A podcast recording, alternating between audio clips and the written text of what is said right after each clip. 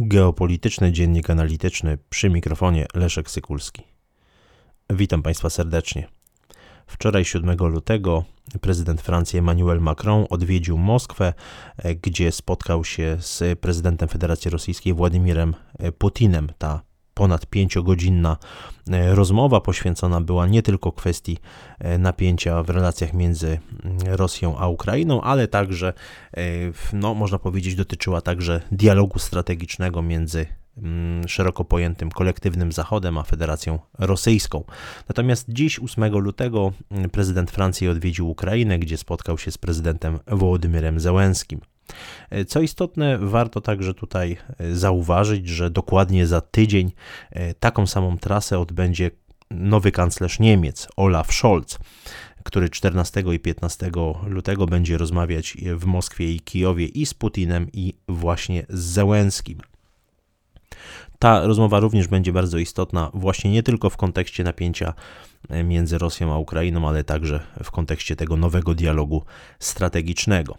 Oczywiście wizyta, obie wizyty prezydenta e, Macrona nie spowodowały żadnej rewolucji tak naprawdę nikt e, takiej, takiej, takiej, takiej rewolucji nie oczekiwał. Natomiast zostało poruszonych kilka istotnych kwestii, padło mm, kilka mm, ważnych, moim zdaniem, e, zdań podczas konferencji prasowych, mm, które wskazują na główne wektory strategiczne, które przyjmie Francja i które przyjmuje zresztą sam prezydent Macron, co jest o tyle istotne, że w tym roku Francję czekają kolejne wybory prezydenckie.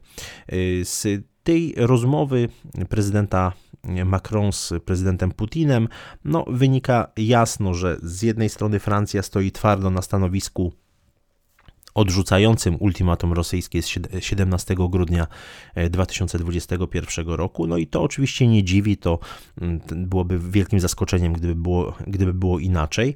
Mm, Paryż e, stoi na stanowisku, że Rosja nie może mm, ograniczać rozszerzenia e, NATO na wschód i rzeczywiście te kwestie zostały bardzo jasno wyartykułowane. Natomiast warto wspomnieć o tym, że prezydent Rosji wskazał na to, że obaj e, przywódcy, no tak naprawdę zarysowali kilka takich płaszczyzn, e, płaszczyzn e, dialogu strategicznego, który jest istotny i to jest już można powiedzieć bardzo istotny sygnał, taki, że Francja dopuszcza w ogóle rozmowy o nowym ładzie międzynarodowym, o nowej architekturze bezpieczeństwa europejskiego.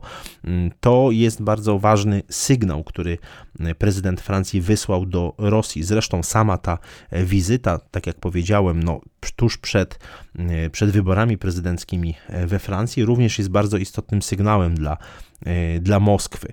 E, no i to oczywiście jest kwestia tego, że zagwarantowanie bezpieczeństwa europejskiego, czy też bezpieczeństwa globalnego jest dzisiaj jednym z bardzo istotnych e, kwestii, o wiele istotniejszą kwestią także dla Moskwy niż, niż kwestia samego napięcia między Rosją a Ukrainą.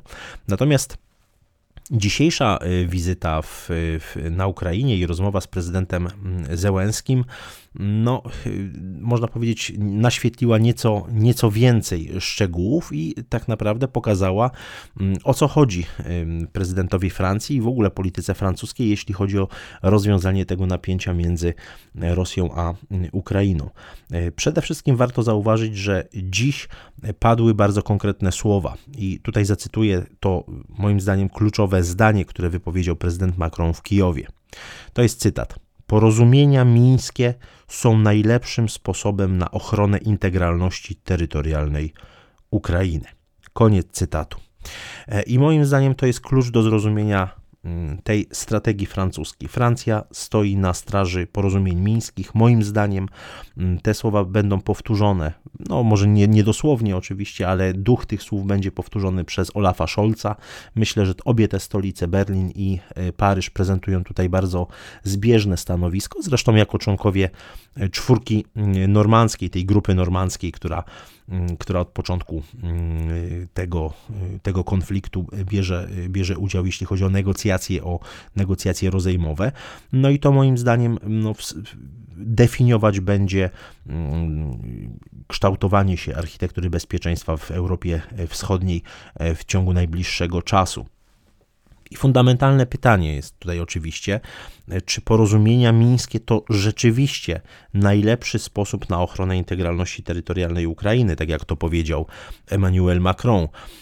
W mojej ocenie literalne wypełnienie porozumień mińskich, a zwłaszcza Mm, tego tak zwanego Mińsk, Mińska II, mm, czyli porozumienia rozejmowego z lutego 2015 roku, e, jest bardzo kiepskim sposobem na ochronę e, integralności terytorialnej e, Ukrainy i moim zdaniem tym celem takim powiedziałbym operacyjnym działań dyplomacji rosyjskiej, rosyjskich służb specjalnych w tym, w tym momencie jest właśnie doprowadzenie do, do zmuszenia przez Zachód Ukrainy, aby właśnie wprowadziła w życie te, e, to porozumienie. No bo warto oczywiście w tym momencie za każdym razem przypominać, czego tak naprawdę dotyczy e, to porozumienie podpisane 12 lutego 2015 roku. Co tam się e, konkretnie znajduje? No wśród tych kilkunastu zobowiązań, mm, moim zdaniem jednym z najbardziej istotnych jest to, które zakłada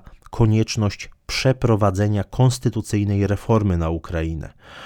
Y, one mają zakładać decentralizację tego państwa, y, także oczywiście z uwzględnieniem szczególnych, y, szczególnych charakterystyk, no cech poszczególnych rejonów Donieckiej Republiki Ludowej i Ługańskiej Republiki Ludowej, a także zakłada, zakłada ten tekst protokołu określanego jako Mińsk II przyjęcie ustawy o szczególnym statusie poszczególnych rejonów obwodów Donieckiego i Ługańskiego.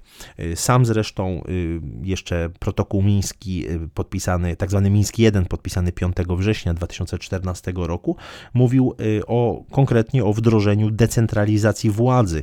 Chodziło o przyjęcie ustawy o szczególnym trybie funkcjonowania samorządu terytorialnego na wschodzie Ukrainy, no w części konkretnie obwodu donieckiego i ługańskiego.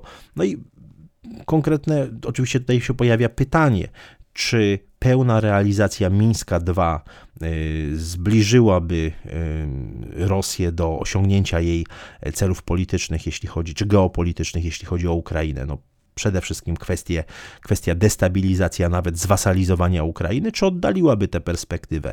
W mojej, y, w mojej, w mojej ocenie biurokra takie biurokratyczne podejście do do właśnie porozumień mińskich, które e, polega na dążeniu do stopniowego wypełniania jej kolejnych zapisów, takiego literalnego wypełniania jej kolejnych zapisów, będzie osłabiało Ukrainę, będzie tak naprawdę przyczyniało się do destabilizacji tego państwa, ponieważ perspektywa federalizacji Ukrainy, a myślę, że to jest jeden z tych celów operacyjnych Moskwy, będzie generowała kolejne separatyzmy, będzie generowała kolejne wybuchy protestów, będzie generowała gener będzie generowała potencjał protestu wewnątrz Ukrainy i będzie się przyczyniała do jej stopniowej y, destabilizacji. W związku z tym, w tym kontekście uważam, że mm, wizyta mm, prezydenta y, Republiki Francuskiej, zarówno w Moskwie, jak i w Kijowie, mm, z punktu widzenia interesów Ukrainy nie jest korzystna. Ona tak naprawdę bardzo zbliża Paryż i Moskwę. O tyle, o ile, tak jak powiedziałem, na te żądania y, rosyjskie z 17 grudnia mowy być nie może, ale to przecież nie o to chodziło. Chodziło o podniesienie pewnej poprzeczki, o zwiększenie, eskalowanie napięcia, tak aby móc wymóc na Zachodowi osiągnięcie tych realnych, konkretnych celów. A moim zdaniem, w mojej ocenie, tym realnym, konkretnym celem jest właśnie literalne wypełnienie zobowiązań, zobowiązań podpisanych w Mińsku, zarówno mm, w końcu roku 2014, jak i na początku roku 2015, które w mojej ocenie będą, mm, będą w konsekwencji prowadzić do destabilizacji państwa ukraińskiego. Dziękuję Państwu za uwagę.